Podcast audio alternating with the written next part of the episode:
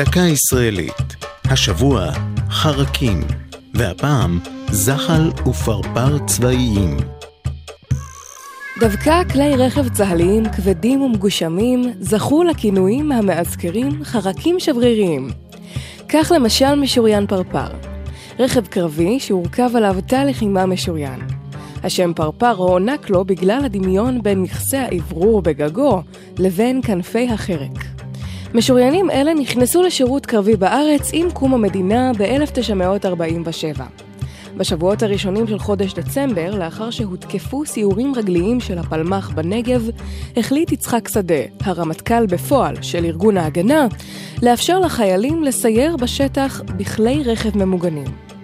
כך נכנסו לשימוש המשוריינים הראשונים. בתוך חודשים ספורים התברר שכלי הרכב אינם ממוגנים באופן מלא, ובהדרגה הופסקה פעילותם. משוריין ששרד זמן ארוך יותר היה הזחל"ם, זחלי למחצה. כלי הרכב נוצר כבר במחצית השנייה של המאה ה-19. במקום גלגלים אחוריים מחוברים ברכב שני זחלים, חוליות עשויות פלדה ולעיתים גם מרופדות גומי. הזחלמים פעלו בצה"ל עד סוף שנות ה-80. הם שימשו תחילה את חיל הרגלים המשוריין, אך נכנסו לשימוש בכל חילות המערך הלוחם, עד שיצאו משימוש. זו הייתה דקה ישראלית על זחל ופרפר צבאיים. כתבה מאיה רכלין, ייעוץ הדוקטור יעל ויזל, עורך ליאור פרידמן.